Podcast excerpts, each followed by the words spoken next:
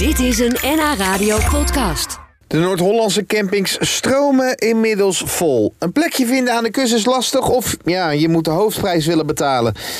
Dat wij echte kampeerders zijn, dat blijkt wel uit de cijfers. Want met ruim 455.000 caravans zijn wij caravanland nummer 1. Een gemiddelde vakantie duurt 12 dagen en de meest populaire buitenlandse bestemming blijft Frankrijk. Ja, waar komt toch bij ons die enorme drang vandaan om te gaan kamperen? Ik zocht het uit en kwam uit bij Ineke Stroeken, erfgoed en traditiedeskundige. Kijk, wij zijn zuinig, hè? Het is ook relatief goedkoop als je het vergelijkt met hotels natuurlijk. Behoorlijk, ja. En eh, het is ook weer terug naar de basis.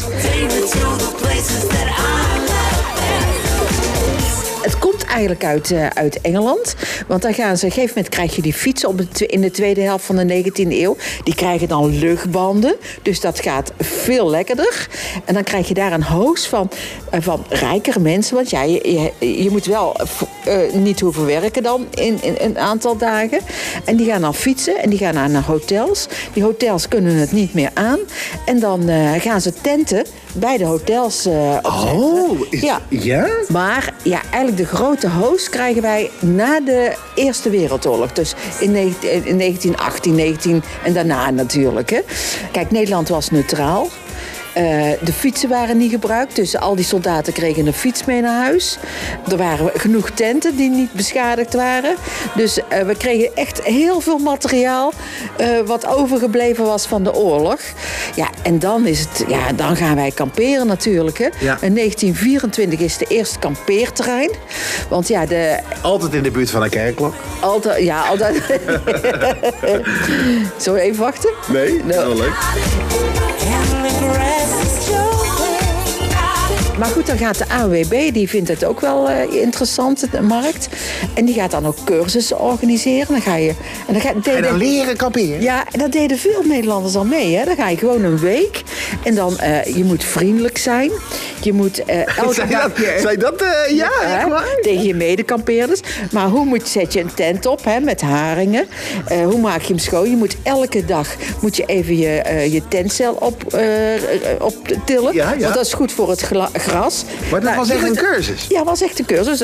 Waar maak je een kuil? Dat doe je elke keer als je behoefte hebt gedaan. Doe je een beetje zand op. Nou, en dan krijg je ook een kampeerdiploma. Ja, en dan in de jaren 50, ja, dan met al, krijgen we autootjes en dan gaan we bermtoerisme doen. Of de, kamp, eh, de vouwwagen hè, erachteraan, die schijnt Joop de Nel te hebben gehad. Want Joop de Nel, dat was eh, ja, de minister-president, hè? Die, was toch, die ging op een gegeven moment kamperen. Daar sprak de hele wereld over. Ja, dat sprak de hele wereld ook. Sterker nog, hij eh, is een keer zoek geweest, want er was er een crisis. En toen bleek hij in Portugal op een camping te zitten in zijn eh, zwembroek naast een, eh, een, een, zwembad samen met zijn vrouw eh, bij de tenten. Dus eh, ja, nee, die ging echt kamperen. Want hij had ook een groot gezin, eh, ook een beetje zuinig dat vond men heel raar. vond me heel raar, want de minister-president moet in hele Ja, grote ja. hotels natuurlijk. En die zit dan met zo'n brandertje. En de eh, Nederlandse premier. en een Nederlands pre- in zijn, in zijn, eh, eh, in zijn, Ja, in zijn, hoor. in zijn zwembroek. Ja, er zijn ook nog veel, heel veel mensen die hebben, hem- zijn hem dan tegengekomen eh, op de camping in 76 of zo. Komt hij uit het toiletgebouw, weet je wel, eh, half naakt eh, zo. Hè? Eh, dus dat was wel heel bijzonder, ja.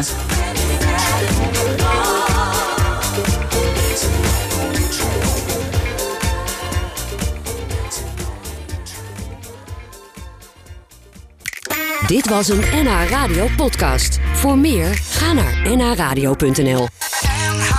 Radio.